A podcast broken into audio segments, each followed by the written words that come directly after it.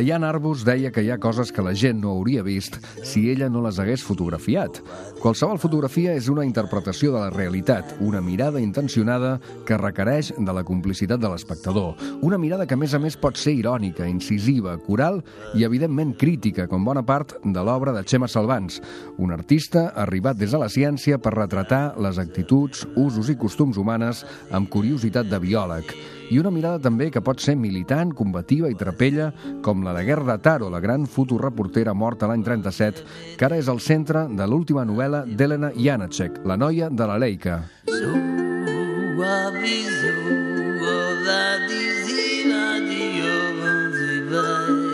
Parlem, doncs, d'imatge i de literatura amb el fotògraf Xema Salvans, amb el Jordi Puntí i també amb l'escriptora Elena Janacek, guanyadora de l'últim Premi Estrega. I el Joan Lluís Lluís ens porta el retrat de Barcelona de la novel·la El Marge, que va guanyar el Goncourt l'any 67.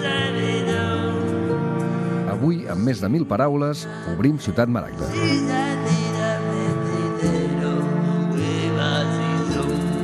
Ciutat Maragda, amb David Guzmán. Tumbala, tumbala, tumbala laica. Tumbala, tumbala, tumbala laica. Tumbala laica, spilbala laica.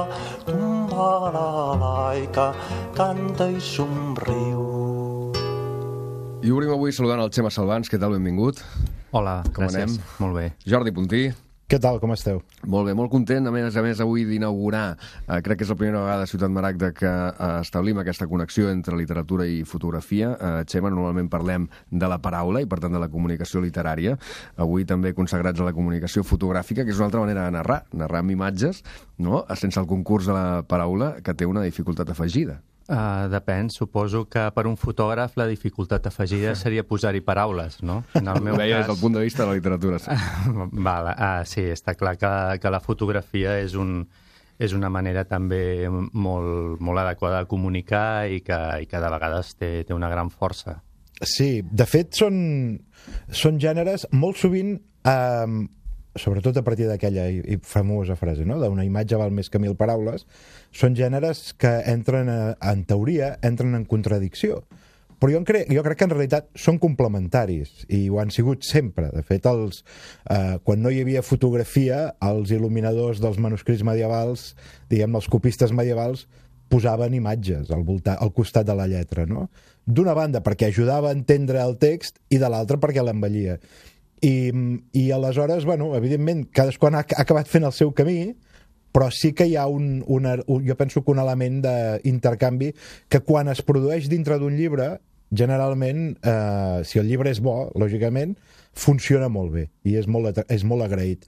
Um, per mi la imatge té una cosa especial, en general, que és la possibilitat d'històries, no? Que tu veus una imatge i estic segur que tu, Xavier, treballes amb això també, o hi penses, no sé, m'ho imagino, vaja. Bueno, mira, apuntant una mica el que deies al principi de, de la frase aquesta tan, tan dita, no?, d'una imatge val per mil paraules, jo sempre he, he, he dit que depèn de qui escrigui les mil paraules i depèn de qui faci la imatge, no? Uh, vull dir, no...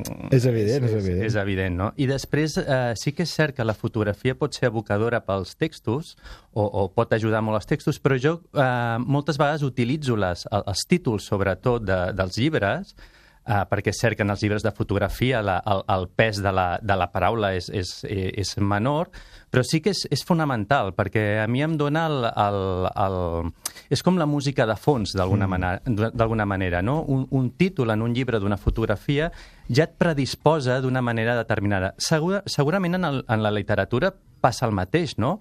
Uh, però, però tens temps per corregir-ho pel camí, inclús si t'has equivocat amb aquell títol. Um, en fotografia no et pots equivocar amb el títol perquè determinaràs totalment la, la mirada. I després és cert que la fotografia, com, com és polisèmica, en principi un, eh, quan està donant sentit a una imatge que està veient, li està donant sentit a, a través de la seva experiència emocional, inclús de la seva experiència uh, professional, no? Està clar que, que una fotografia, es, mm, des del punt de vista uh, d'un metge uh, o, o d'una mare o, o d'un nen, o, no? és igual, Sí, no? sí. Es, li donaràs un, un, un sentit molt diferent. Per això jo personalment, tot i que mm, m'emmarcaria dins del que és la fotografia documental, um, mai, mai poso peus de foto. Mai poso peus de foto que expliquin el que està succeint en la foto. Perquè en realitat jo, almenys jo, eh, amb, la, amb la meva fotografia, no vull explicar coses, sinó vull qüestionar coses. Vull deixar... Uh -huh uh, preguntes, no? que, uh -huh. que la gent es, es qüestioni què, què està succeint o què està passant, etc. I intento, sempre que em sigui possible, no, no, no, no farcir de, de paraules una imatge. O sigui, deixes el sentit a, a càrrec del, de la persona, de l'espectador, diguem-ne, de la persona en part.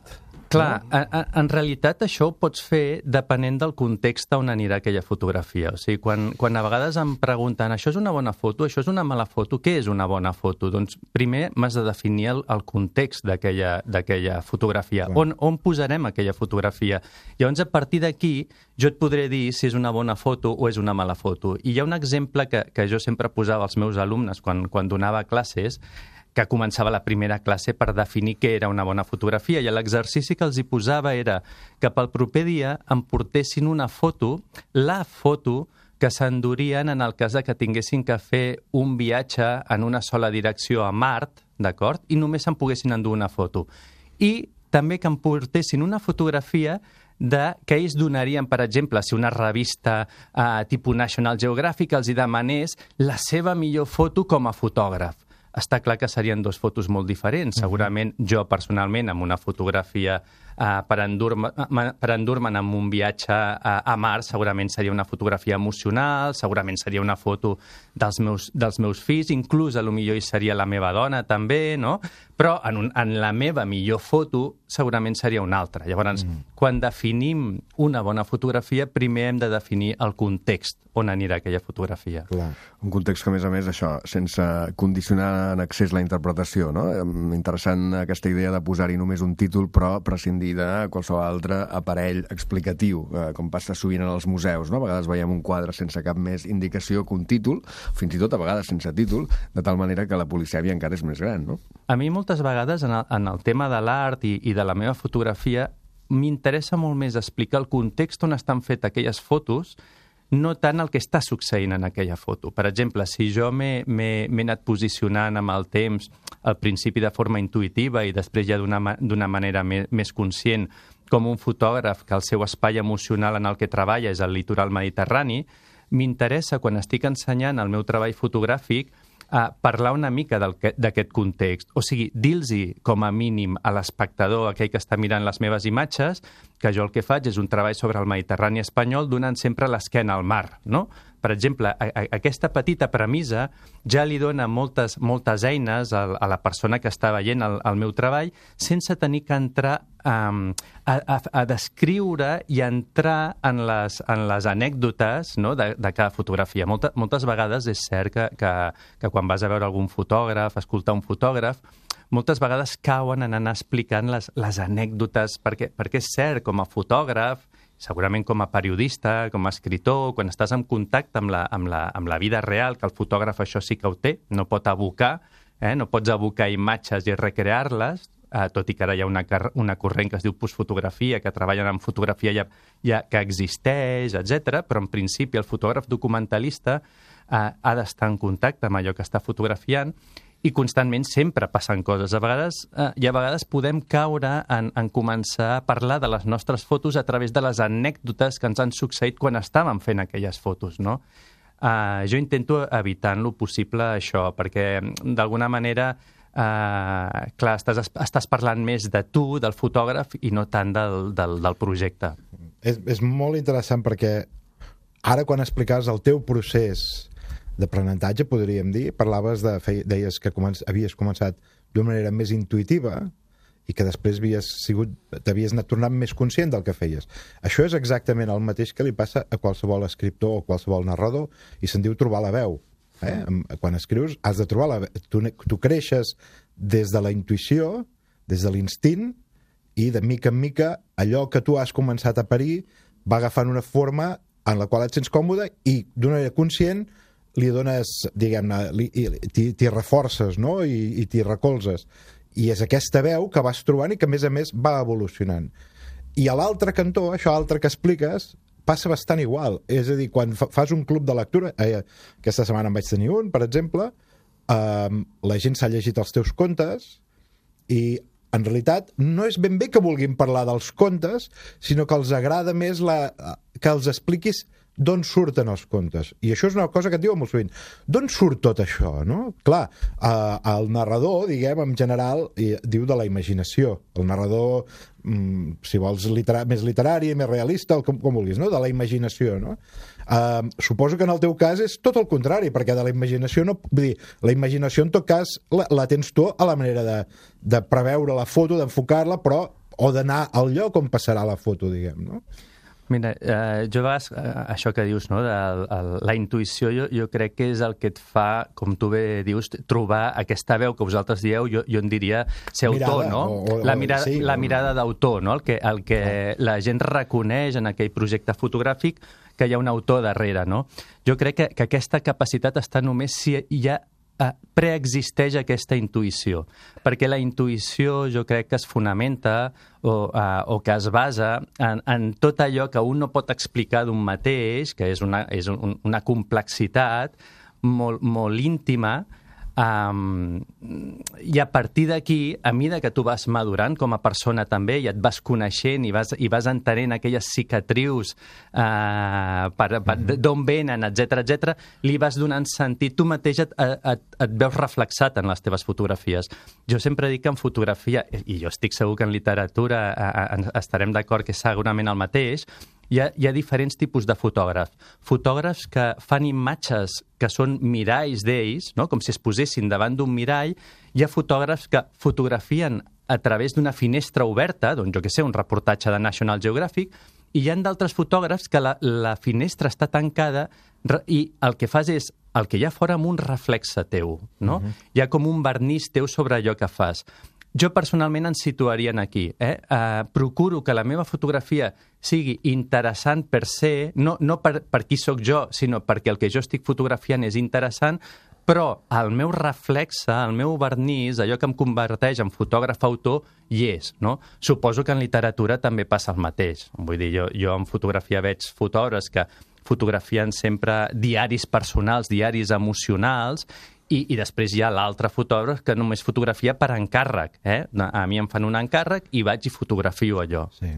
Anem a parlar una mica, doncs, eh, d'aquesta autoria, de l'autoria de, del Xema Salvans, perquè n'has fet uns quants de llibres. Eh, volia singularment eh, fixar-me ara parlant de discurs, precisament, en un dels últims, My Kingdom, i en un dels discursos inicials, amb els quals també, un discurs que, per cert, textualment també compareix en el llibre. a los españoles de tierra adentro, de la montaña y de la meseta, de la ribera y de las islas, a los que trabajan en la mar, a los que sufren en la enfermedad, a las mujeres que iluminan y empujan nuestros hogares, a los obreros y a los empresarios, a los intelectuales y a los artistas, a los hombres del campo y de la ciudad. En fi, la numeració és encara més llarga. Som al missatge de Nadal del 1977, en aquell moment rei eh, d'Espanya, eh, Joan Carles de Borbó, i, eh, efectivament, My Kingdom, no només amb un títol irònic, un títol sensacional abans que parlàvem de títol que desmunta aquesta fal·làcia a l'estat-nació,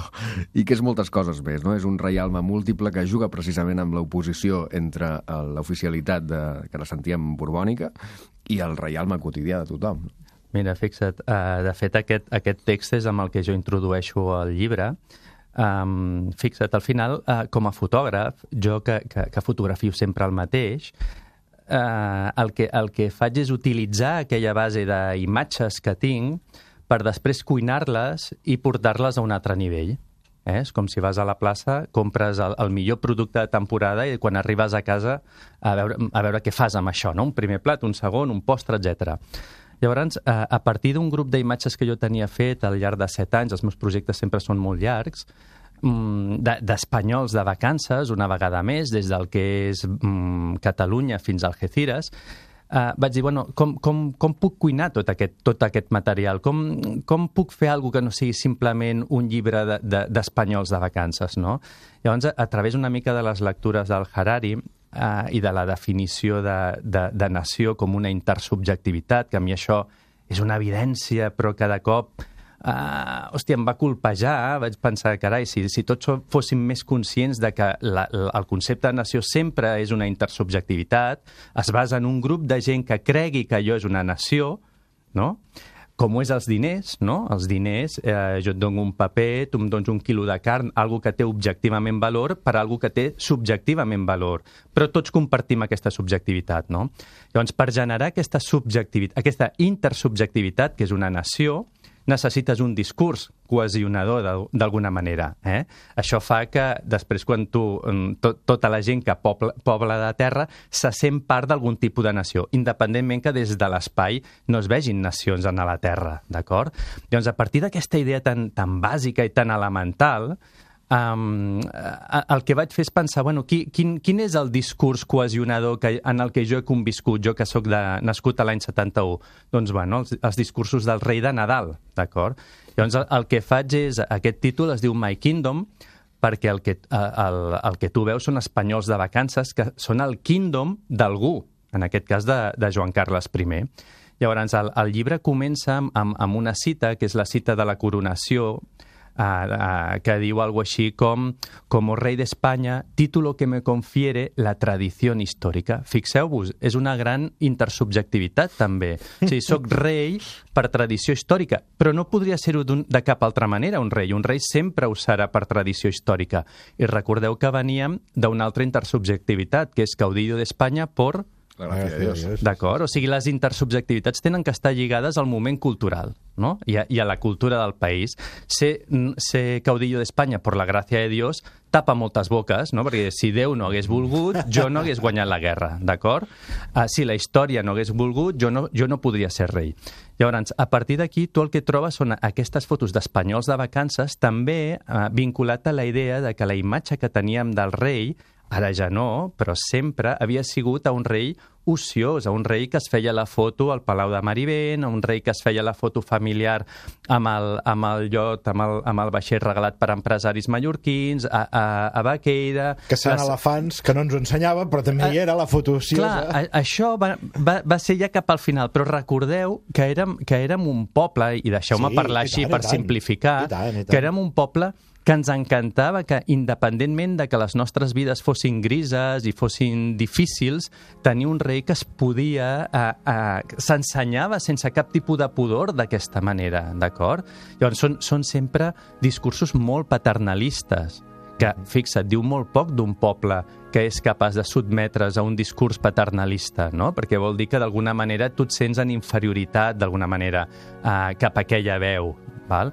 Llavors, el que tu vas veient en, en aquest llibre són aquests fragments de discursos del rei barrejat amb les meves imatges. Eh? Discursos que diuen pues, uh, una noche más eh, de Navidad... No, ah, no recordo exactament, no? però parla de, de, de, de jo què sé, de, de tot el que ell pateix, per la responsabilitat que ell ostenta, molt més que nosaltres, etc etc. Tot, tot aquest tipus de discurs paternalista que, que va anar fent i que, de fet, estan molt ben fets, eh? perquè, clar, òbviament aquests discursos estan fets.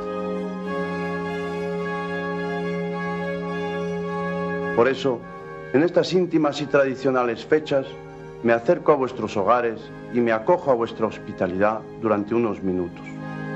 Si la institución que encarno ha abierto un diálogo permanente y con propósito de fecundidad desde el momento de mi proclamación, nunca mejor ocasión que esta, al filo de un nuevo año y en el ambiente cálido y cordial de nuestras casas, para hacer algunas reflexiones que nos acerquen más, que aumenten el compromiso de una tarea solidaria y que estrechen las relaciones con nuestros familiares, con nuestros amigos, con nuestros vecinos, con todos nuestros compatriotas.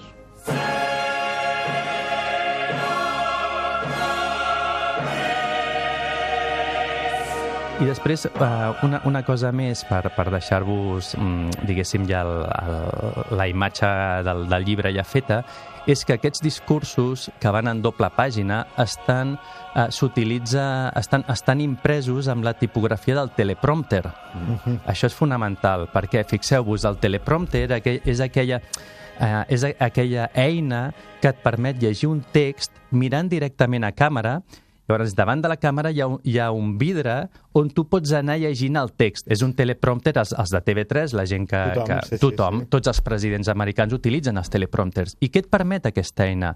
Aquesta eina et permet llegir un text que no cal que hagis, llegit, que hagis escrit tu, que no cal que te'l creguis. És cert, de fet, no cal ni que sigui cert el que estàs llegint. La única cosa que se't demana és que semblis honest, o sigui, que interpretis aquell Clar. text. No, i més mires a càmera, amb la qual cosa, d'alguna manera, trenques la idea de que estàs es- llegint alguna cosa, sinó que et surt de tu, no? O sigui, Escolta, quantes vegades els hi diem als nostres fills quan parlis a algú, mira-li als ulls? Clar. No? Això és fonamental per fer creïble algú. Clar. Llavors, uh, el teleprompter uh, és perfecte, és l'eina perfecta, no?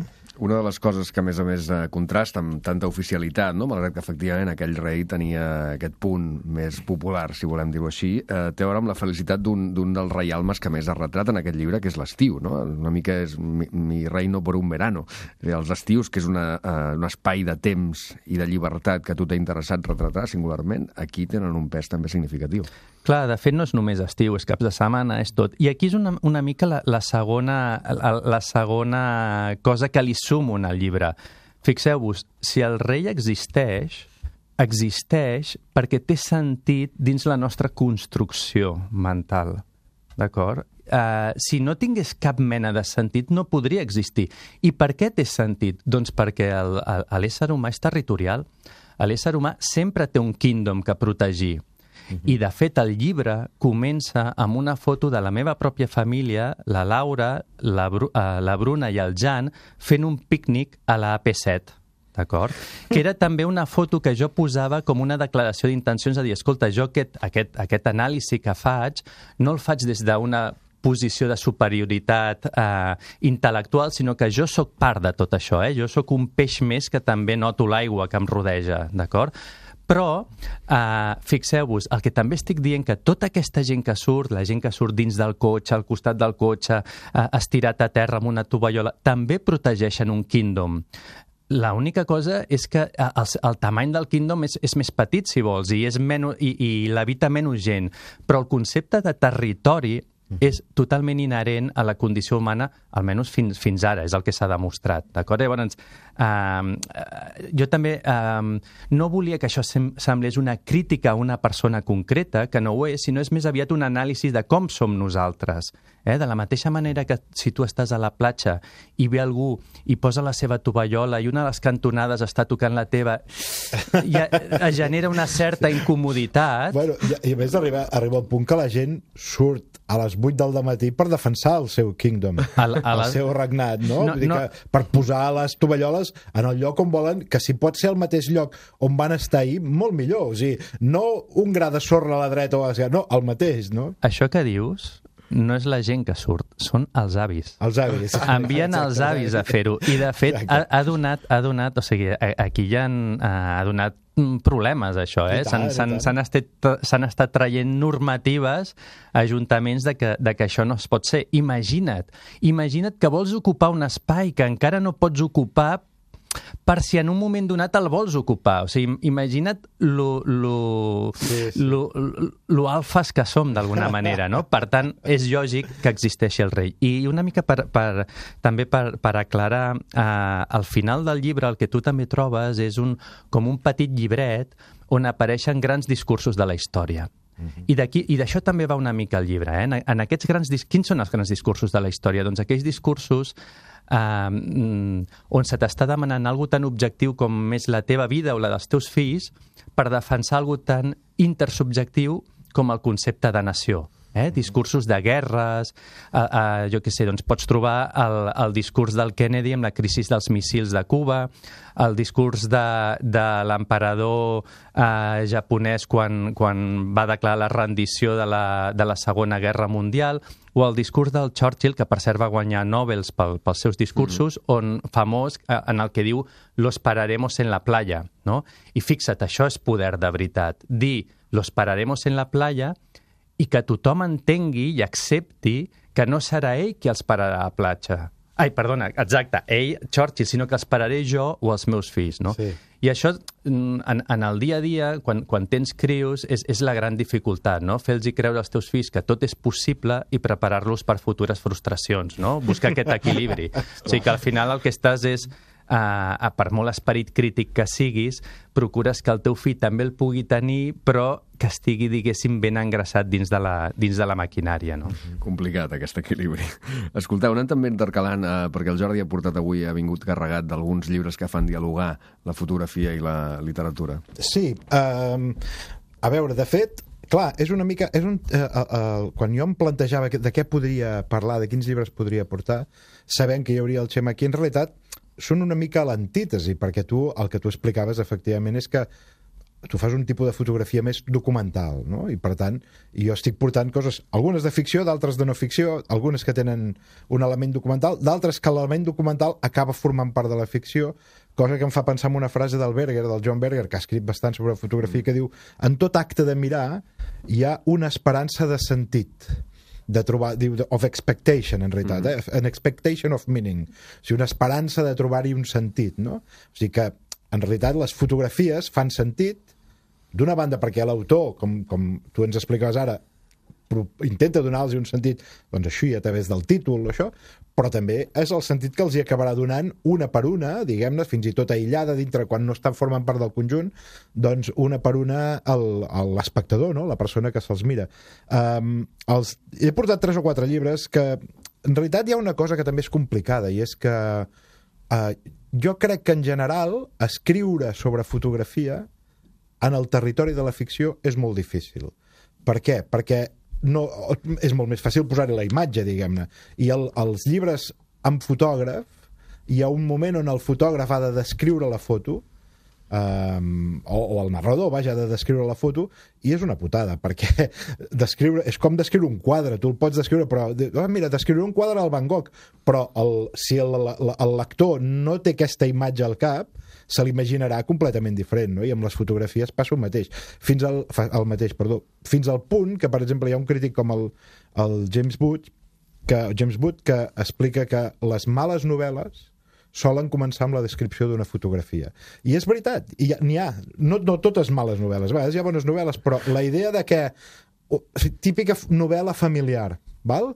i el, el personatge, el protagonista, agafa, es troba una foto i te la descriu i t'explica qui eren els avis i qui eren els besavis, o t'explica com era una casa, on havia viscut la família, no? diguem -ne. És un recurs molt fàcil, perquè és, és la imatge, diguem-ne, compartida que tu l'acabes explicant, però precisament en el fet que l'hagis d'explicar, és com dic, una mica com amb els quadres, o fins i tot, si tu vols, com amb els somnis, eh? que és un recurs, això un dia en podem parlar, David, els llibres amb somnis, que és un recurs, eh, jo sóc bastant, bastant refractari, bastant contrari, però bueno, mm, eh, en tot cas a vegades funciona, no? En tot cas mirarem de no recordar-li després a Helena Janacek quan parlem amb ella aquesta idea de James Wood, perquè eh, la noia Leica comença amb la descripció d'una fotografia. Passa, no, no, passa no, molt, que a més a més, que a més a més, en aquest cas, a més, eh, incorpora la fotografia, és a dir, a vegades vegades Clar. És, és aquest doble joc de no, no, estic descrivint una fotografia però estic interpel·lant, mireu-los, aquests milicians... Però fixa't, fixa't a més en una cosa, que en aquest cas és diferent, per què? Perquè les fotos de les quals ella parlarà, tots més o menys les tenim al cap són fotos iconogràfiques en, en gran mesura, no?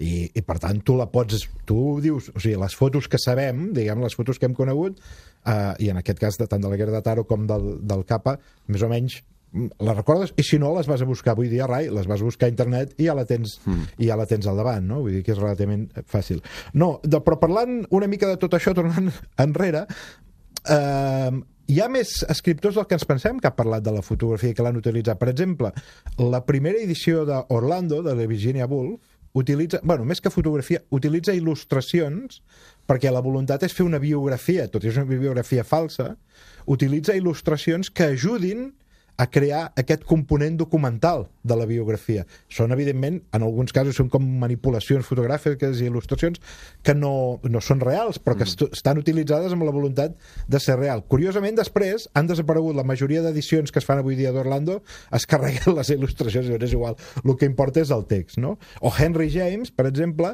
té tota una novel·la Uh, que es diu, The no sé si s'ha traduït, The Awkward Age, l'edat estranya, podríem dir, o l'edat curiosa, on és tota una trama a partir de persones que s'ensenyen fotografies. Això estem parlant del 1890. 1892 i l'enamorament a partir de veure una fotografia d'una persona. Clar, avui dia fotos ja no, bueno, avui hem passat, com tu deies, no, Xema, a la postfotografia d'algunes maneres, però en aquell moment una fotografia devia ser una cosa molt especial i ell veu l'oportunitat de crear tota una novel·la a partir del flirteig de les imatges, no? d'agafar una imatge i flirtejar, cosa que em porta a l'edat mitjana, amb, amb Geoffrey Rodel com a trobador que, que eh, narra l'amor, descriu l'amor de lluny, que és l'amor per una princesa que no ha vist mai, no? només a partir del, del que ha sentit i d'un eh, d'un camafeu, una mena d'il·lustració que ha vist petita, que devia fer 3 centímetres, i vés a saber qui l'havia fet i es va enamorar de la princesa de, de, de Trípoli, perdó, la princesa de Trípoli. No? Uh, bueno, és a dir, que usos n'hi ha molts, però llavors potser el, un, a mi el, un dels que m'interessa treure avui, portar avui com a, com a ús documental i, i al mateix temps molt literari de, de la fotografia, és aquest llibre del Jacob Ries, Com vive la otra mitad, que va publicar Alba Editorial fa uns quants anys, a veure, el Jacob Ries era, era un periodista danès que el, el 1870 emigra a Nova York. I allà a Nova York comença a treballar eh, en descriure la societat que veu que aquesta altra meitat que és la societat, per entendre'ns, de Washington Square cap avall. Dic Washington Square perquè és el, una mica l'emblema precisament de Henry James, no? d'aquesta alta societat mitjana alta de Manhattan, de Nova York, i llavors ell viu aquesta societat de la gent que arriba, dels immigrants que arriben, i eh, s'estableixen generalment en cases de, de lloguer en condicions molt, molt pobres a la part baixa de, de la- de l'illa de, Nova, de Manhattan, i ell comença a escriure com viu aquesta gent, no? Va, veu, parla com escriuen els nens, com això, i llavors fa fotos, i a partir d'un moment, sobretot, que és quan es, es descobreix el flash, diguem-ne, quan es crea o s'inventa el flash, ell té la possibilitat d'entrar dintre les cases i fer fotos dels interiors de les cases. I són les primeres fotos que hi ha d'aquesta gent, amb la cosa els hi permet explicar, li permet explicar com vivia aquella gent um, en, en condicions moltes vegades, uh, evidentment, insalubres i de quatre o cinc famílies vivint en una mateixa casa, uh, compartint una habitació entre tres famílies, no? Um, entra i els fa fotos quan dormen, per exemple, no? unes fotografies espectaculars que estan allà cap, tots, tots junts en una habitació, no? Gent que després al matí marxa, se'n van a treballar i, i no tornen fins al vespre per dormir, no? I, i el, també els baixos fons li permet retratar la gent que quan ha arribat ja ha decidit eh, dedicar-se només doncs a, bueno, a robar als altres, a intentar pujar a la part més alta de la ciutat i robar. També, per exemple, els negocis de costureres, de cigarrers, de gent que feia cigarros per vendre, no? de fotografia, tot això, i ho posa en aquest llibre que ja dic, jo crec que és un llibre meravellós. El, el Martin Scorsese s'hi va inspirar molt quan va fer aquella pel·lícula que es deia Gangs of New York, que està basada en, precisament en la zona on, on ell vivia, que era Five Points, no? que era un, un, un, un punt de la, de la part baixa de Manhattan, i penso que és, deu ser un dels primers eh, exemples que hi ha de convivència de text i de fotografia amb aquest, amb aquest valor documental. I No? tant, no? ben interessant. I que, a més a més, en retrata, eh, Xema, una de les coses que tu eh, també has treballat i que a mi em semblen com a fotògraf i com a mirada més particularment difícils, que és com retratar la intimitat eh, d'una manera que sembli natural o, o que no se sentin violentats. No? Aquí entrem a l'interior domèstic, és una mica l'estratègia d'accés de, del fotògraf. Això és complicat, és difícil, és... El, el, el gran problema eh, que té el fotògraf eh, exactament és aquesta, és l'accés la, la, l'accés que tindràs a aquella realitat que tu vols fotografiar, perquè, òbviament, el fotògraf és, és un element molt, molt visible, tothom t'identifica com a fotògraf, perquè tenim aquesta... que és, és, és el que més em molesta més, el que més odio, que és, una paradoxa perquè la fotografia existeix perquè existeix la càmera, no? el meu interfàs amb el món és l'objecte que em permet fer les fotos però que a la vegada em descobreix davant de tothom. que vull fer una, unes fotos, no? I el, I el problema és la, uh, que la gent sempre reacciona d'alguna manera, ja sigui bé, ja sigui, ja sigui malament, però sempre, sempre hi ha algun tipus de reacció davant d'una càmera. Doncs, curiosament, la, la meva estratègia ha sigut una que aparentment no, no semblaria la, la, la, la que a priori se't pot ocórrer, i és fotografiar amb càmera de gran format posada sobre un trípode. No? Uh -huh. Això el que genera és, un, és una imatge de, de, que tu veus algú que està amb aquest, amb aquest objecte sobre, sobre un trípode, um, ho veus tan, tan, tan sobredimensionat que mai et sents uh, partis, mai et sents protagonista d'aquella imatge. O sigui, sempre consideres que... Bueno, ara em poso en el cap de l'altre, eh? Clar. La reflexió que deu fer l'altre és que aquella persona que està fent una imatge, a lo millor moltes vegades les faig sobre el sostre de, del meu cotxe, pujo a dalt del cotxe, poso el, el trípode, que disculpeu, ara no recordo el nom amb, amb tres peus, en català, mm -hmm amb la càmera de gran format a sobre. Llavors, tota la litúrgia que, que tinc a l'hora de fer una, una, una, una imatge fa que, el, que la persona que està dins d'aquell espai que jo estic fotografiant, eh, diguéssim que s'oblidi de mi, no? perquè considera doncs, que estic fent fotografia d'arquitectura o que vinc de l'Ajuntament o el que sigui. També he de dir que la meva fotografia sempre és una fotografia de context on sempre hi ha algú que evita aquell context, que, que hi és i que li, li dona la dimensió tràgica o, la, o, o el punt irònic, no? però que eh, realment en les meves fotografies la, la, la cara d'aquella persona no, no, no sumen a la foto. Per tant, són imatges on jo realment moltes vegades estic bastant allunyat del, del, del personatge.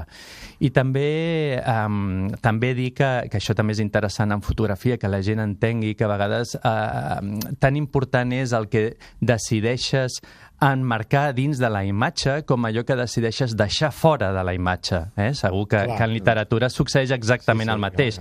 A l'accent del que estàs parlant, moltes vegades el poses per allò que deixes fora i no per allò que entres. Us deia abans, per exemple, que tot el meu mm, treball sobre el Mediterrani, la gestió del temps lliure, etc etc, passa per mai ensenyar el mar. O sigui, jo mai et permeto veure per què aquella gent està estirada amb un parterre davant de la cimentera de Baicarca, per exemple. Mm -hmm. Tu l'únic que veus és la gent tirada a terra amb la cimentera de Baicarca darrere. O sigui, d'alguna manera es dona la paradoxa aquella de que eh, jo estic ensenyant eh, d'on fuig aquesta gent i, i, i en canvi aquesta gent se'n va a, a la vora del mar deixa a la seva esquena lloc, no? a, a, aquells edificis, aquella cimentera, etc i el que fa és mirar cap a l'horitzó no?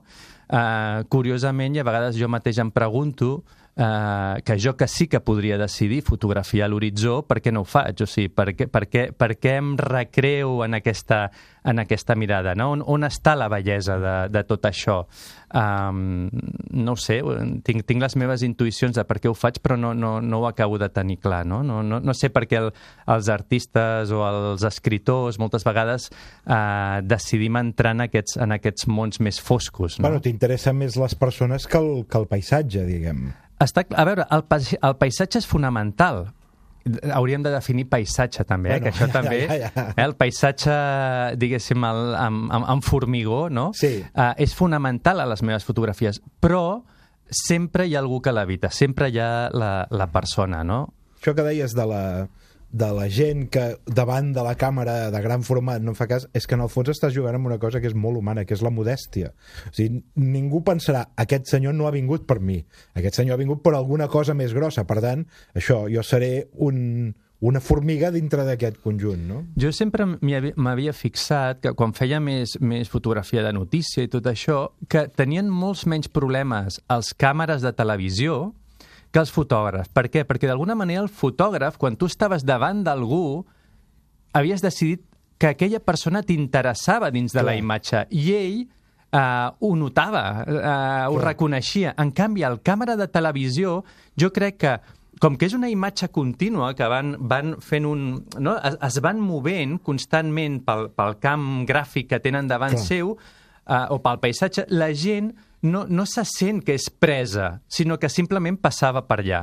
No? I això és una mm. cosa que jo sempre m'hi havia fixat, que els fotògrafs sempre tenien molts més problemes a, a l'hora de treballar situacions d'aquestes, de, de, de manifestacions, etc, que una persona que anés amb una, amb una càmera de televisió, no? There are pictures on the piano, pictures of the family, mostly my kids, but there's an old picture of you and me.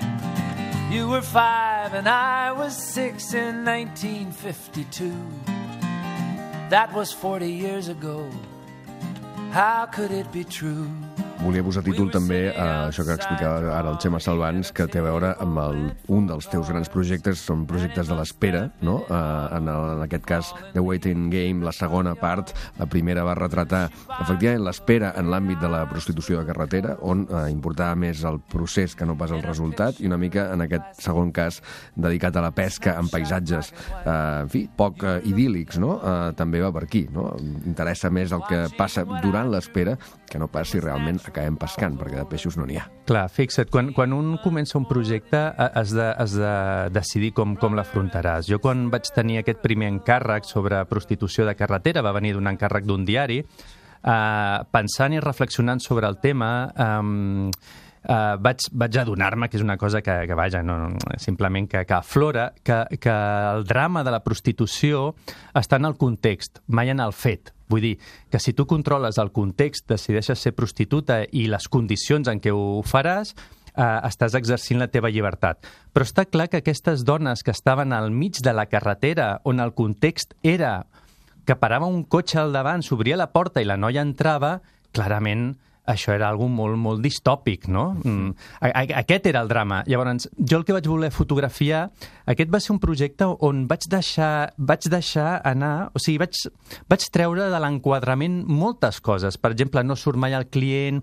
eh, no es reconeix a la dona, etc etc. I la manera en què ho vaig fer és allunyant-me de, la, de, la, de la prostituta per ensenyar, posar l'accent en el context, o sigui, en el paisatge, en, en la rotonda, en la carretera, etc, perquè al final una, una fotografia de retrat o una fotografia de paisatge només depèn de la distància relativa de la càmera respecte al retratat, d'acord? Llavors, allunyant-me d'aquella persona, ensenyava el paisatge, protegia la identitat del personatge simplement perquè ja és una persona que està allunyada, ja la cara no és el, diguéssim, no és la part eh, mm -hmm. important de la fotografia, i després vaig utilitzar un altre recurs important que és un dels grans problemes que té la fotografia, eh, que és que com més bonica és la imatge, més èxit té, però moltes vegades més et distància emocionalment del que està succeint. Uh -huh. Dius, ostres, quina imatge més bona, que maca i tal, independentment del que està succeint. Llavors, per restar aquest tipus de bellesa, per generar unes imatges més desoladores, que diuen els castellans, eh, el que vaig fer és fotografiar amb la pitjor llum del dia. Eh? La, la llum eh, és, amb, és, amb, és la tinta amb, les que, amb la que escrivim nosaltres, els fotògrafs. Uh -huh. Llavors, quan tu fas fotografia de paisatge, en principi et recomanaria a primera hora o a última hora, amb les sombres baixes, etc. Jo fotografiava amb la, amb la llum de migdia, amb la qual la, les imatges eren absolutament desoladores, que és el que jo volia aconseguir. Tot i que seguien sent belles, perquè al final me n'he donat que la bellesa d'una imatge no està que en, en què allò que succeeix et, et vindria de gust que tot passi, sinó que té a veure més amb l'ordre. O sigui, el cervell, quan veu una imatge endreçada, li dona bellesa, li sembla que és bella, independentment del que estigui passant. Després, depenent de la teva, de, de, la, diguéssim, de, de com ets tu i de la capacitat d'anàlisi que tens d'aquella imatge, entraràs a entendre més què està succeint i empatitzaràs amb aquella persona. D'acord? Llavors, la, aquest projecte estava fet sobre la distància, sobre la llum i una altra uh, cosa importantíssima és sobre el que estava succeint en allà. Llavors, el que jo vaig decidir és fotografiar sempre el que no està succeint. O sigui, l'anècdota la, de la dona entrant en el cotxe, del client a davant, el que vaig fer és l'espera, simplement la dona esperant, perquè d'aquesta manera fotografiava la dona i no a la prostituta. Jo tenia imatges on la dona es mostrava al, al, al tràfic doncs, tocant-se els pits, etc. La imatge que jo tenia és el que en biologia diem un display de, de prostitució. És, és un llenguatge no verbal on jo ensenyo tots els meus atributs. Aquestes primeres fotos, el que jo veia era la prostituta. Per tant, el que vaig decidir és fotografiar a la dona esperant, asseguda, o sigui, buidar de contingut sexual, mm. tots els elements sexuals, eliminar-los de la imatge. Amb la qual al final el que tens és una col·lecció d'imatges, de paisatges amb una dona que espera. D'acord? Llavors, eh, amb tot aquest projecte, el que, vaig, amb- el que vaig adonar-me'n és que al final el, el títol, The Waiting Game, el juego de la espera, que és el que els anglesos diuen si, jo què sé, si tu estàs esperant al dentista i algú et truca i diu, què fas? Mm, The waiting game, no? En aquesta espera estem tots, d'acord? Llavors, el que vaig voler fer és un segon projecte per potenciar aquesta idea de l'espera, d'acord? Llavors, el que havia de trobar era un altre tipus d'espera que la visual fos la mateixa, però que el fi de l'espera, que és on està el drama, fos totalment diferent. I en aquest sentit, és el que vaig fer, va ser començar a fotografiar pescadors que estan asseguts simplement esperant. També he de dir-te que no és el pescador que busca una comunió amb la natura, és el pescador que et diu con tal de no estar en casa. O sigui, el, el drama que hi ha en aquestes imatges també és molta, perquè al final, el, uh, fixa't si és dramàtic, que allò que ens fa únics dins de l'espècie eh, animal, que és l'autoconsciència, la capacitat de projectar-nos en el temps, de pensar en abstracte, etc etc etc, el tipus de pescador que jo faig, justament el que vol deixar fora és això, deixar de ser, perquè hi ha vides que són molt dures. Com deia un amic meu, hi ha vides que donen molta set, no? Llavors, el tipus de pescador que jo faig, no em vull posar en el... O sigui, no, no puc ser rigorós, eh? Però la meva idea, el pescador que jo faig és aquell que se'n va a pescar a costat de casa con tal de salir de casa, de no estar en casa, Sí, sí. eh? Que se'n va a la, a, a, al port, que se'n va a la sèquia, que se'n va a llocs aixins on realment no, no està buscant una comunió amb la natura. Llavors, finalment, aquests dos llibres que funcionen entre ells estan parlant de totes les esperes possibles. Uh, actualment hi ha tanta complexitat en el món i som tantíssima gent que tot el que li pot succeir a algú, ara hi ha algú que està esperant que li succeeixi. O sigui, en aquest precís segon hi ha algú que està esperant a ser torturat i hi ha algú que està esperant a donar aquell primer petó d'adolescència. Eh? Hi ha algú que està esperant veure néixer el fill i hi ha algú que està esperant a portar-lo a quimioteràpia. O sigui, totes les esperes són possibles. I amb això també rematava un tema que a mi sempre m'interessa en la meva fotografia, que jo sí que parlo de coses molt concretes, però intento elevar-les a coses més universals. O sigui, així com el concepte de la prostitució es dona de diferents maneres depenent la cultura, eh, la prostitució a Anglaterra, no a Anglaterra, a Londres o a Nova York o, o a la sabana eh, existeix, però existeix de maneres diferents, la, el concepte d'espera sí que és universal. O sigui, tothom espera igual. De fet, si tu has de dibuixar, segurament si has de descriure algú que espera, ho faràs de la mateixa manera, independentment que sàpigues què espera o què, uh, no? És igual, vull dir, però el, el dibuix és sempre el mateix. No, I a més a més pensava ara que eh, l'art de l'espera té molt a veure amb l'art de la fotografia, perquè els temps d'exposició en origen eren bàsicament això, una, un art de l'espera. Bueno, d'exposició, per exemple, el, el treball de, dels pescadors són 40.000 quilòmetres. Vull dir, en la fotografia té això, i més el tipus de fotografia que jo faig, que jo busco el paisatge, però després l'acció humana, o la no acció, però bueno, eh, uh, significa que, que, que necessites recórrer molt de territori. O sigui, és molt exagerat el que jo tinc que, que, que, diguéssim, que caminar per anar trobant aquests, aquests escenaris i aquestes, i aquestes situacions. I això és una gran espera. O sigui, per mi, estar dins del cotxe a l'AP7 conduint, estic conduint, però jo, jo estic en, en un stand-by d'alguna manera, perquè estic en, en transició d'un lloc a l'altre, no? Bueno, em recorda molt un, un debat entre caçadors i pescadors, no? Els caçadors que van a buscar l'aventura i els pescadors que o la van a buscar la història, diguem-ne, i els caçadors i els pescadors, perdó, que s'esperen que la història els passi per davant, no? I una mica, doncs mira, les, una altra de les lectures que portava va per aquesta línia, que és el, um, l'anat ja de, de, de l'André Breton, la novel·la, mm. podríem dir la novel·la de l'André Breton, que ara fa poc ha reeditat en català a Des i ara, no?, amb traducció del Josep Maria Sala Valldaura, i que és, clar, avui dia es parla, per exemple, quan penses en algun escriptor que faci servir fotografia, pensem sobretot en Zebald, no? Zebald és aquest autor mm -hmm. que en un moment donat et va fent va narrant, va explicant històries que no és ben bé ficció moltes vegades, forma part més d'aquest territori de la, de la memòria personal explorada amb voluntat literària, i de, tant en tant hi ha aquestes uh, fotografies que no saps ben bé si amplien el sentit o més aviat el condicionen, eh? Perquè tampoc no et posa... A vegades sí que et posa el peu de foto, a vegades no. I, i sembla una gran innovació, però en realitat, doncs mira, el, el Breton l'any 28 ja feia exactament això, no? I en el seu cas, a més a més, clarament no era un pescador, sinó que era un caçador, perquè la voluntat del llibre de Natge és, és el, el concepte de l'atzar i la rància, no? Errar, que és un concepte molt medieval, he de dir. O sigui, sortir a, a veure, a passejar i a veure què et passa, no? Ell, ell deia... Eh, tots els fets són un senyal, qualsevol fet agafat independentment és un senyal, diu, però no saps de què. Diu, per tant, és alhora una evidència i un enigma.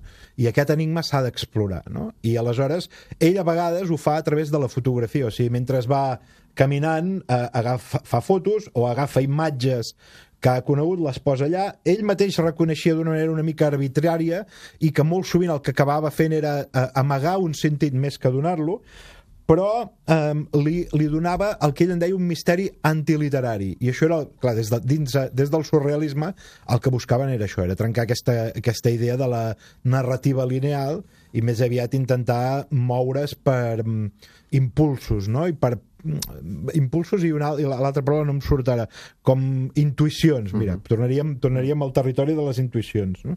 I, i bé, és un, ja, és un llibre, a mi em va en el seu moment ara no l'he tornat a llegir, fa temps que no l'he tornat a llegir però en el seu moment em va agradar molt sobretot per aquesta idea de l'ànima errant de l'ànima que passa i que va, que va pels carrers, que evidentment enllaça amb el, amb el flaner de, de Baudelaire uh -huh. i tot això i i que al mateix temps doncs, va utilitzant aquestes imatges, aquestes fotografies, per poder tenir un context extra a, a allò que està passant. No?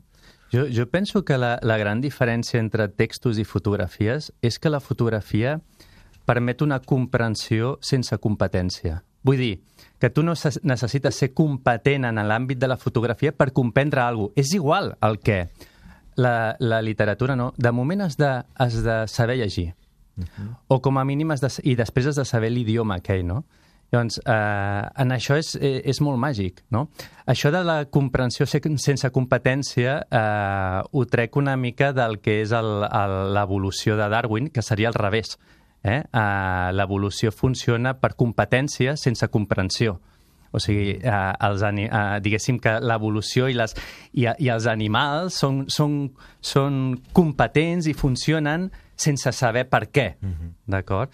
I crec que, que en fotografia eh, succeeix això, que, però al revés, o sigui, tu comprens independentment de que siguis competent en el món, Clar. independentment de que siguis fotògraf o no ho siguis. Perquè és que al mateix temps, diguem-ne que la fotografia és un art més passiu, no? La, la, la Totalment. literatura implica una acció. Si tu no fas l'esforç, de llegir, evidentment també has de fer un esforç per mirar, però és un esforç molt més fàcil, molt més neutre i d'alguna manera la història ja te la serveixen amb, no? ja la, i, i, i això, diguem-ne, al final el cinema no deixa de ser una fotografia multiplicada, vull dir, una història multiplicada. No? Per això els titulars, Uh -huh, no? Clar. Perquè un titular acaba sent una imatge i la llegeixes independentment de que no vulguis. Clar, eh? clar. De les coses la mirada ens és regalada, no? és, des que naixem, i, i una altra cosa és mirar intencionadament, no? Uh -huh. o mirar amb intenció artística, però i la lectura no, la lectura efectivament és un aprenentatge. No? Uh -huh. Uh, Javier Marías. No? Sí, bueno, porto... És que ja veus, he agafat llibres sortint de casa, Vides escrites, del Javier Marías, que curiosament en, en els seus llibres, en Negra Espalda del Tiempo, per exemple, també utilitza la fotografia en el sentit molt semblant al de Zebald i fins i tot al de Breton, però he fet aquest llibre perquè és un llibre que en el seu moment em va agradar molt, Vides escrites, que és molt senzill, al final és, és agafar... Ell, era, ell explica en el pròleg que és un col·leccionista de fotografies d'escriptors i que ha, ha fet quilòmetres i ha anat a, a, a fires i a museus per trobar fotos concretes d'escriptors, a més a més fotos antigues, n'hi ha unes quantes que evidentment avui dia són reconegudes per tothom, la Giselle Freund va fotografiar Joyce, uh -huh. eh, Simone de Beauvoir, tota aquesta gent, però n'hi ha moltes que no, n'hi ha moltes que ell ha acabat trobant que probablement en aquell moment ni tan sols sabia que era Rilke, per exemple, i i, o ell sap que és Rilke, però potser la persona que li ven no ho sap, no? I aleshores, amb aquesta excusa d'anar buscant fotografies, eh, el que fa ell és després a partir de la imatge construir una mena de nota biogràfica sobre l'escriptor que no és estrictament biogràfica, sinó que també, evidentment, té, és un mapa de lectura, podríem dir, no? De Thomas Mann, de Joyce, de Juna Barnes, d'Oscar Wilde... O sigui, hi ha molta... A mi el que m'atreu d'aquest llibre és aquesta combinació que sabia fer molt bé en aquells moments. El Maria, jo crec que ara això, tot aquest món ja no li interessa tant, eh? ha anat més cap a la realitat i cap al realisme, penso, però en aquell moment sabia fer molt bé aquesta combinació de la mitologia que s'amaga al darrere d'una cara o fins i tot d'una màscara, perquè em sembla que és en el cas de, no sé si és uh, Keats, uh, no, un poe... no, Keats no, és un altre poeta d'aquests que el que té és la màscara mortuòria, no? De, i, i això es va fotografiar en el seu moment. I, el, I és aquesta combinació doncs, de la part biogràfica més lligada també a la mitologia personal i de l'obra que han deixat, no? i com ell la interpreta a partir una mica del, del, dels retrats. Clar, veure, per exemple, a Robert Louis Stevenson, una foto de Robert Louis Stevenson, home, és molt agraït, perquè de cop veus la dimensió d'aquest personatge, era un personatge que feia gairebé dos metres, fil eh, prim com un fideu, no? amb, un, amb un punt misteriós en la, en la cara, amb uns cabells llargs, no? I, i no sé, doncs és un llibre que, que en aquest sentit penso que és molt, molt atractiu. Molt interessant, i em fa pensar també un altre dels grans lectors, intèrprets d'imatges, i encara ara eh, s'hi dedica des del periodisme literari, per dir-ho així, és l'escriptor Juan José Millás, eh, que també no només en forma de llibre, sinó al diari El País, eh, a partir de fotografies a vegades quotidianes, o d'un moment, o d'un gest, és capaç d'extreure'n tot una, mm -hmm. no? una, una, en fi, una descripció que gairebé sembla un conte, a vegades se'n va pels camins a la faula, amb aquest punt de fantàstic que té eh, sí. la narrativa de Millàs, no? i que efectivament fa dialogar eh, una imatge i l'altra. Escoltau, abans de- de- d'anar a sentir també eh, Elena Janacek, la noia amb la Leica, eh, Gerda Taro, Xema, eh, l'hem d'ubicar eh, segurament, no? i a més amb aquesta coberta una de les noies va morir joveníssima i, i que a més a més va contribuir a un mite i a un pseudònim que després es va convertir en persona, que es diu Robert Capa, déu nhi Sí, és curiós, no?, que hi ha aquesta idea de màrqueting ja existeix, ja fos tan clara en aquells moments, no?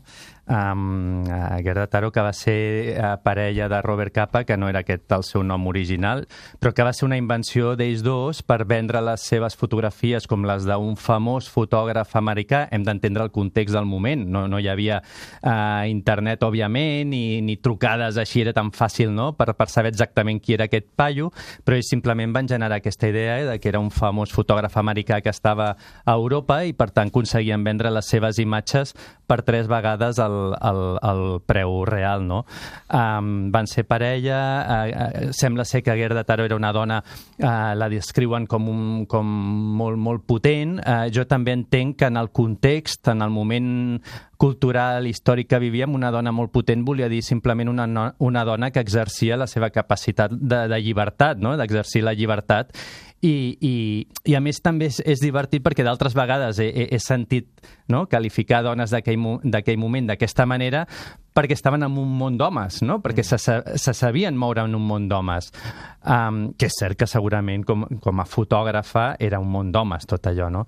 Llavors és, eh, eh, va tenir la desgràcia de que va morir l'any 37 mm. a, a, quan estava aquí a Espanya cobrint la, la, la Guerra Civil um, perquè um, diuen, eh, sembla ser, que, que eh, anava penjada amb, amb, amb un vehicle, uh, no? uh, amb un braç, diguéssim, agafada al vehicle, i amb una d'aquestes va caure i li va passar un tanc per sobre, però bueno, això és el que diu Wikipedia, això és el que diu tothom, no?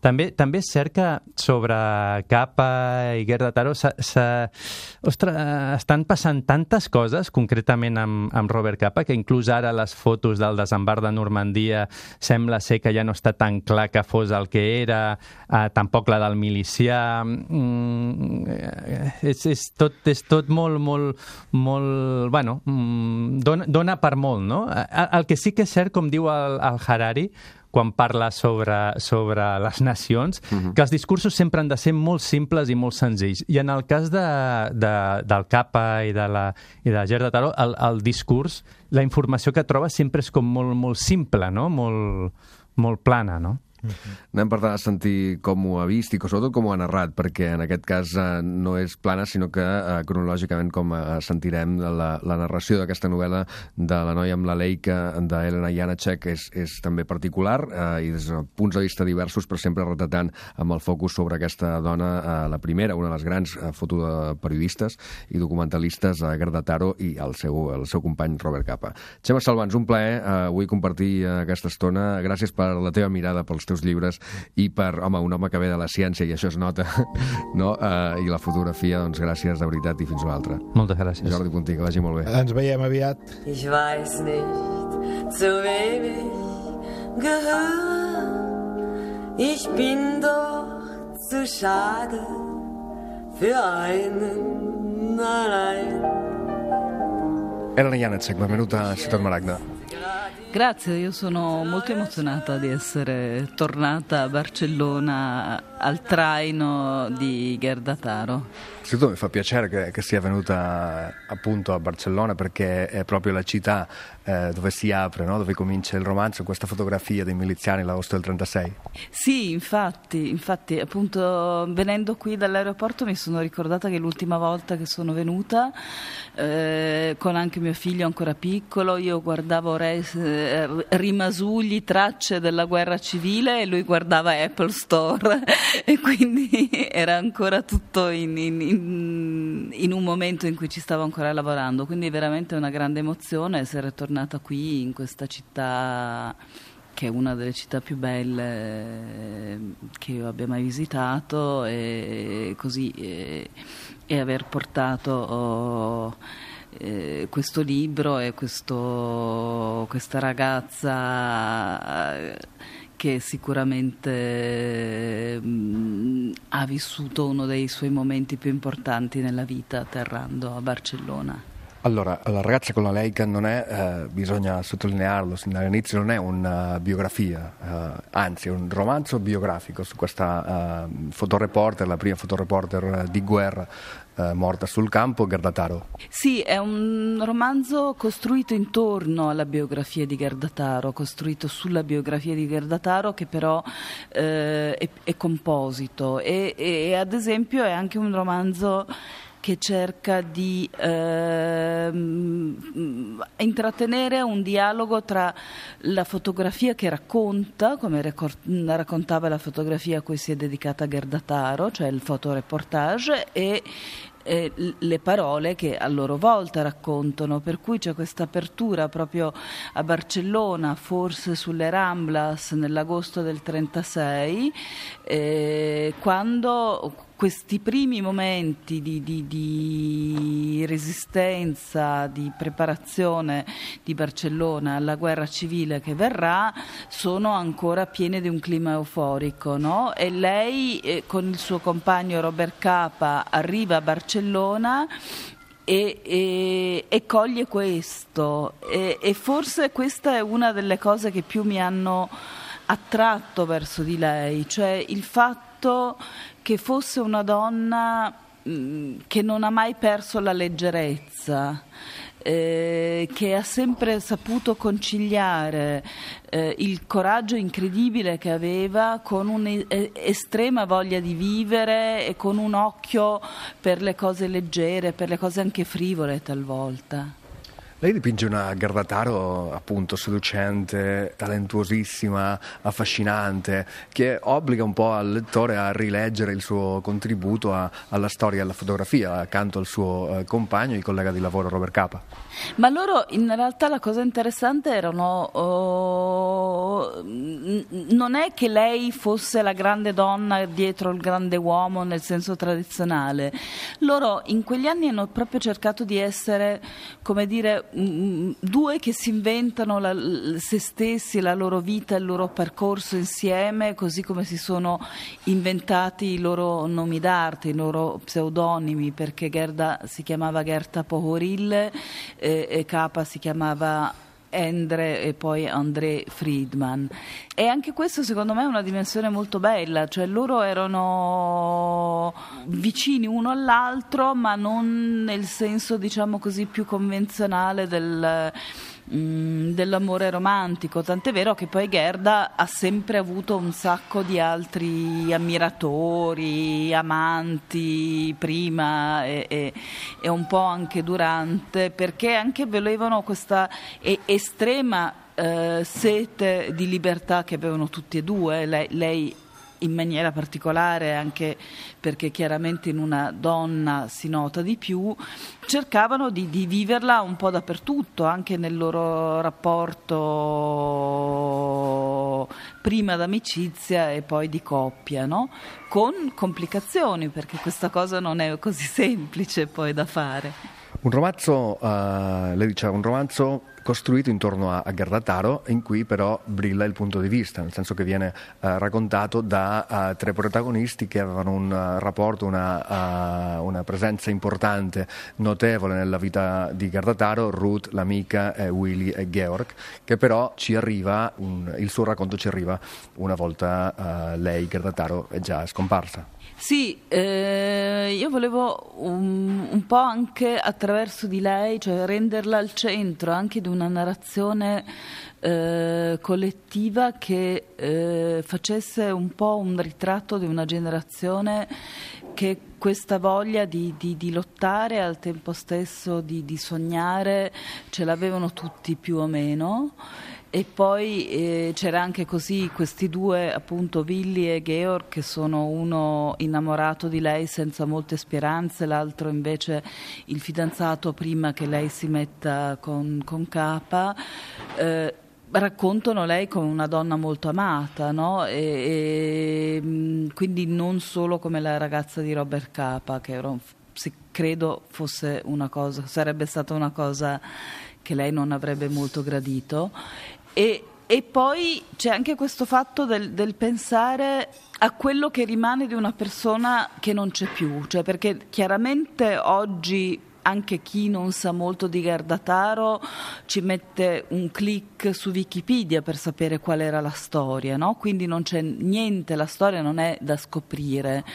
Quello che a me interessava era un po' anche rendere omaggio a all'affetto vero, a, a, all'idea che ci sono dei legami così forti tra le persone d'amore, d'amicizia, così, no? che rimangono anche a distanza di anni. No? E quindi rendere questa dimensione di, di, sentimento che ti lasciano gli altri, che lascia lei come persona individuale, e anche un po' quello che lasciavano, uh, quello che è rimasto dei, dei, sogni, diciamo anche politici o degli ideali di, di, di loro quando non sono più giovani. E in questo senso, ad esempio, forse è il caso di dirlo, visto che siamo uh, in Catalogna, in Spagna, cioè laddove è stata combattuta la guerra civile spagnola, e Mm, questo non vuole essere un romanzo che eh, si sov- sovrappone alle importantissime eh, opere che hanno fatto gli scrittori spagnoli, catalani o i figli di, di mh, mm, anche alcuni francesi che hanno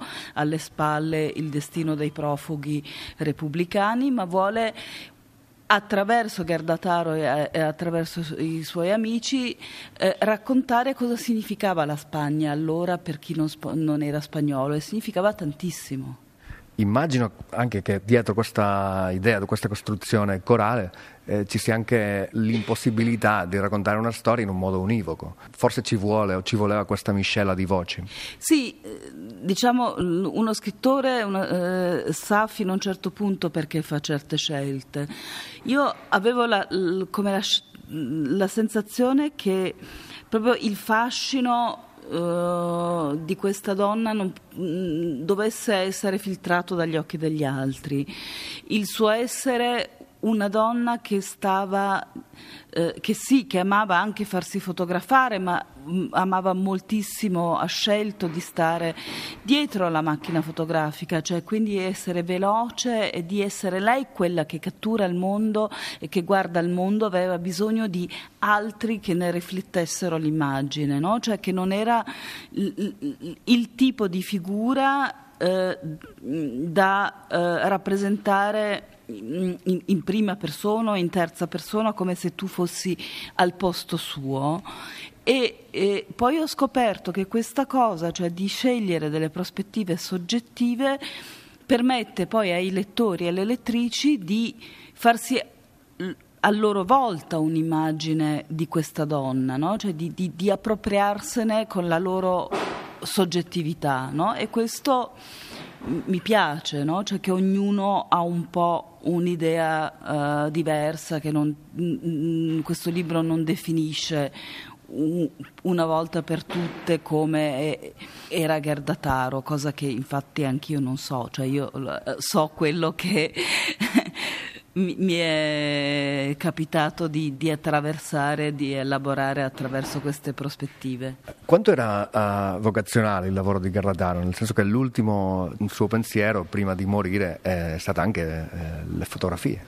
Sì, la cosa incredibile è che, mh, ma così come anche per lo stesso Capa, Capa avrebbe voluto fare lo scrittore, eh, però lei nel momento in cui viene a contatto con la fotografia eh, a differenza di quello che noi oggi associamo con la fotografia, con i fotografi professionisti, cioè non era tanto il voler diventare artisti che non era una cosa, era lo strumento per diventare libera, no? per, per, per, per, poter veramente mettere tutta la propria mh, voglia di indipendenza, ma anche voglia di partecipazione, anche voglia di prendere parte, di, di, di spendersi per, per, per, una causa come quella appunto mh, repubblicana spagnola.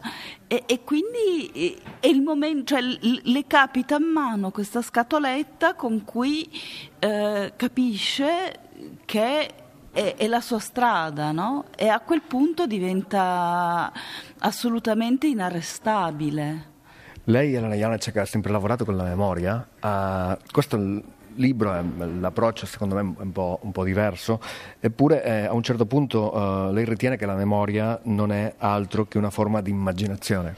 Ma sì, eh, que- sì eh, io ho sempre lavorato con la memoria, anche questo in un certo senso, anche se è più romanzo, cioè quindi non c'è un, un diretto riferimento autobiografico se non come una zampatina alla fine, però appunto a me interessa comunque sempre questa domanda non che cosa è stato, ma che cosa rimane a noi di quello che è stato. E, e in più il, il, rapporto tra memoria e immaginazione, eh, noi oggi ad esempio con il giorno della memoria, con queste eh, memorie istituzionalizzate che sono anche utili, però finiamo per snaturare eh, quello che è il, la funzione della memoria, la, la, proprio primaria, fisica. No?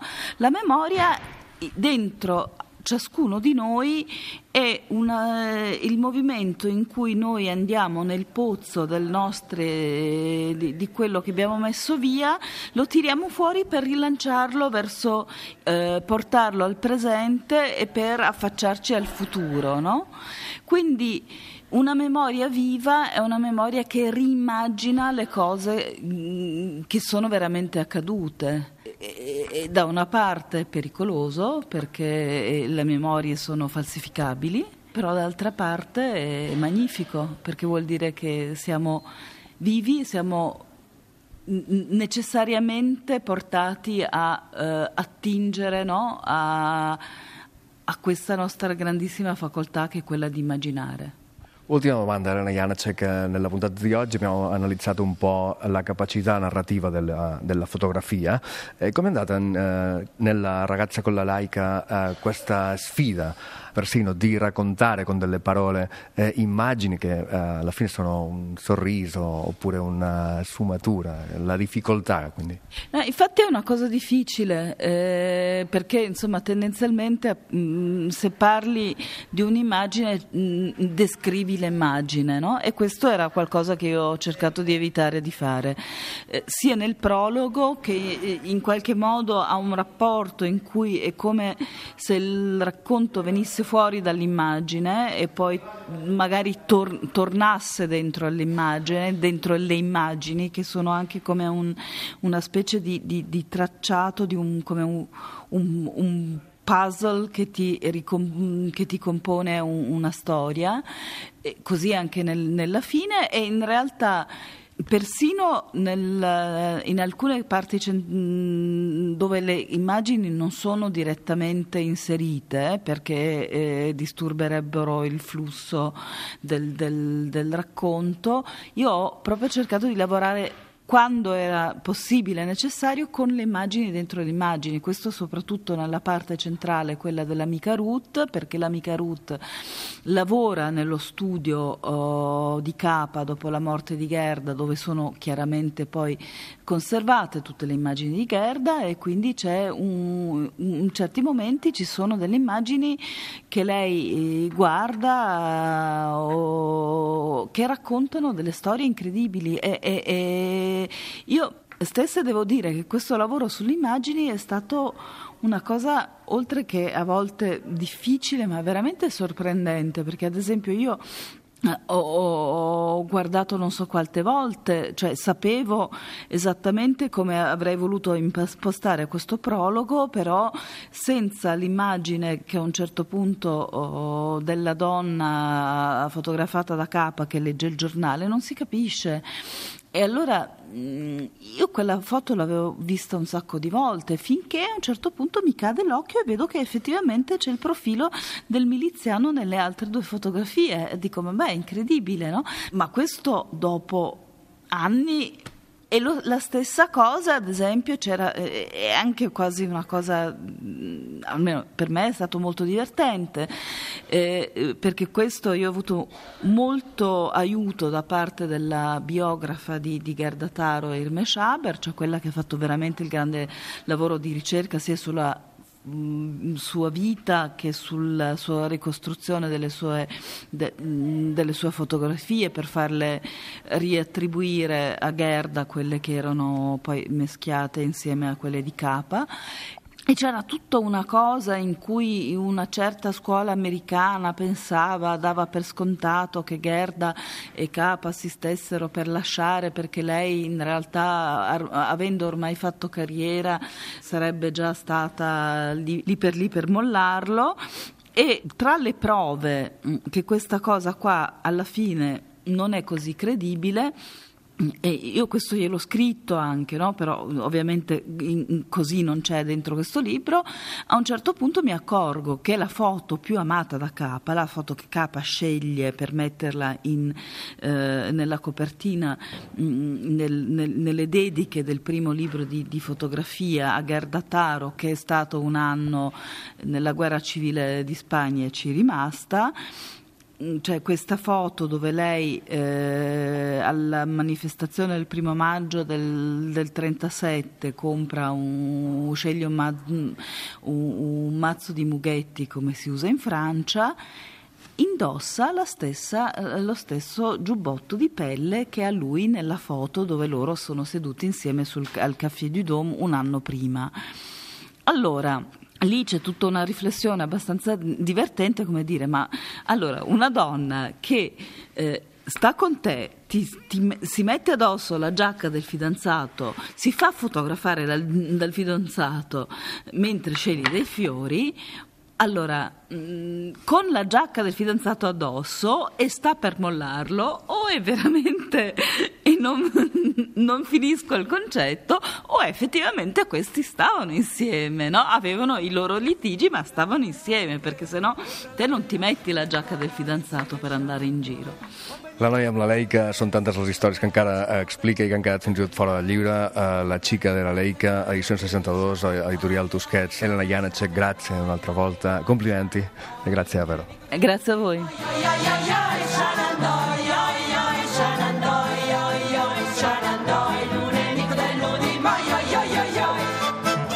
La llibreria Ona us ofereix aquest espai. I amb la reflex penjada del coll ens arriba el Joan Lluís Lluís. sí. Com estàs? Bé, bé, bé. Tu això a la fotografia t'hi has dedicat, i dediques? Uh, de lluny, de lluny. D'aquestes maneres de lluny vull dir que no en sé gaire. Ets més uh, objecte que subjecte, no? De, de, de, de sí, més, o que puc, soc. Molt bé, escolta'm, de, amb què comencem avui?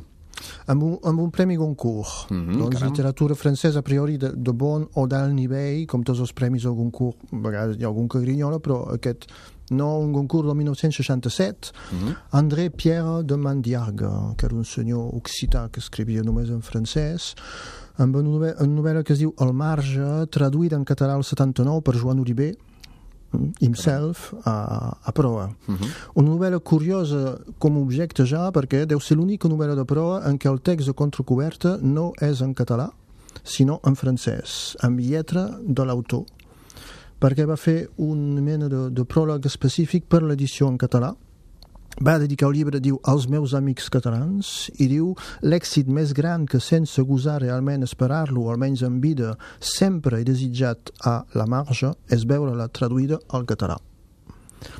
És veritat, no és veritat? No ho sé, això. En tot cas... Com, ho, com a text de contracoberta funciona molt bé. Funciona molt bé, eh? Sí, sí.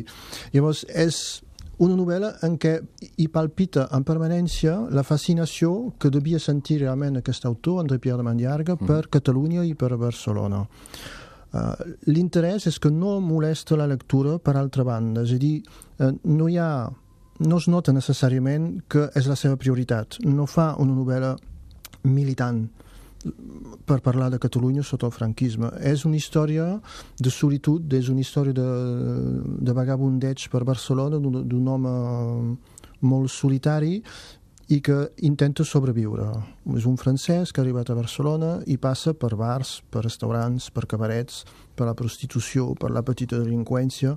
Hi ha tot un petit món així de barris descrits però no cau mai en el pintoresc, que és el gran defecte major dels escriptors europeus que quan parlaven de Barcelona durant una bona part del segle XX, que hi cercaven l'espanyolitat i aquest, aquestes coses estranyes, ell això no ho fa. Realment és una manera molt, molt punyent i en la qual, a més a més, hi posa el seu amor per, per Catalunya. Mm -hmm. No el posa gaire sovint, però quan hi és se'l veu molt precisament. Per exemple, hi ha un moment en què entra en una botiga en què hi ha un rètol que diu se habla espanyol. Això 1967 sembla com redundant. Quan tens només una llengua autoritzada, necessàriament se habla espanyol. Mm -hmm. Llavors, diu, però justament el fet de dir-ho en la llengua obligatòria és una manera també de dir, molt específicament, il·legalment, aquesta llengua, l'espanyol, és una llengua estrangera aquí. Per això posem se habla espanyol. Subtil, eh? Subtil. Sí, sí, sí.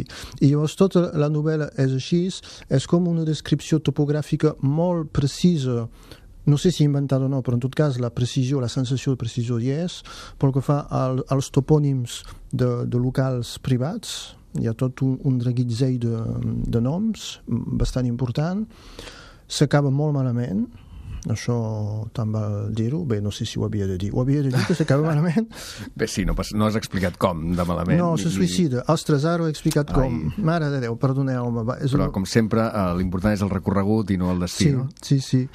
Dos el personatge sí se suïcida al final i el mateix paràgraf gairebé en què se suïcida desitja que el poble català trobi la seva llibertat. És una barreja molt curiosa i el més curiós és que funciona. Podria semblar com una mica estrafolari, això, de, de, de barrejar aquesta cosa d'ideal polític amb un suïcidi que no té res de polític, és realment una, una forma de vida com existencialista amb algú que decideix al final de tot suïcidar-se simplement perquè ha vist el que podia veure a Barcelona i ha trobat alguns motius de viure, però no prou, llavors decideix matar-se.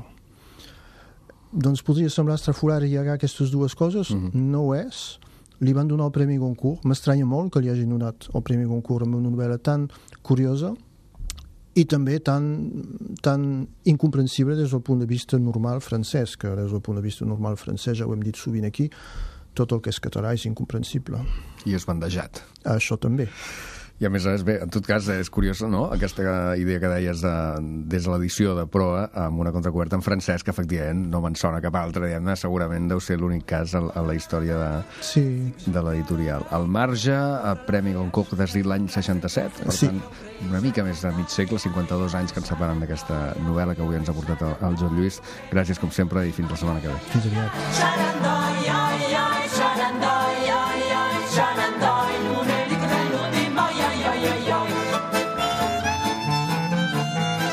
Llibreria Ona, des de l'any 1961, al servei de la cultura catalana, amb un fons especialitzat en català. La trobareu al carrer Gran de Gràcia 217 de Barcelona. luda, satanavo per dispetto, gli fortuna, la acabem avui amb un tema que imagina una retrobada amorosa a la guerra entre Gerda Taro i Robert Capa, càrrec de la banda anglesa Al J. Amb vosaltres, com sempre, Dolors Joanola a la producció, Rosa Silloé a la consola i un servidor, David Guzmán. Des de l'àlbum An Awesome Wave, Al J. Taro. China Kappa jumps to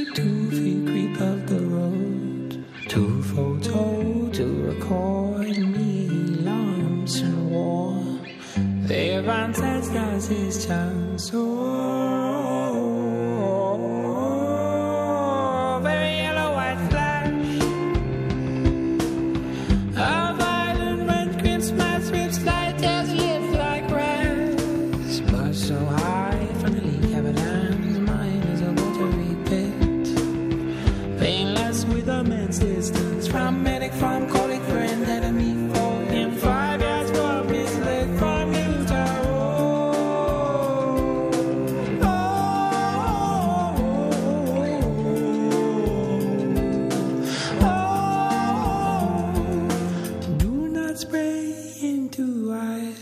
have spread you into my eyes.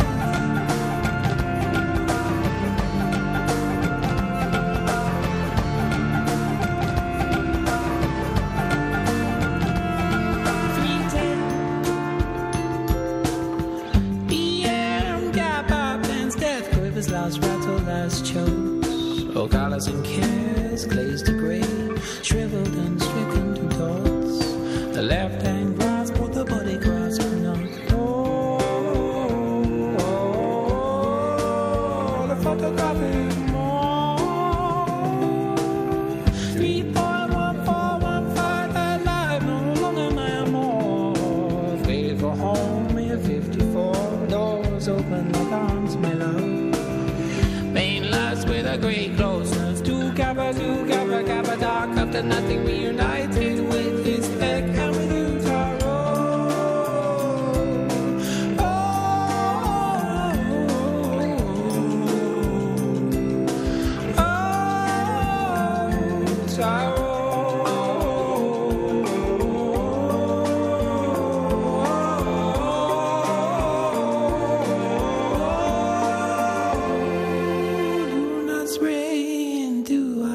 I have sprayed you into my eyes.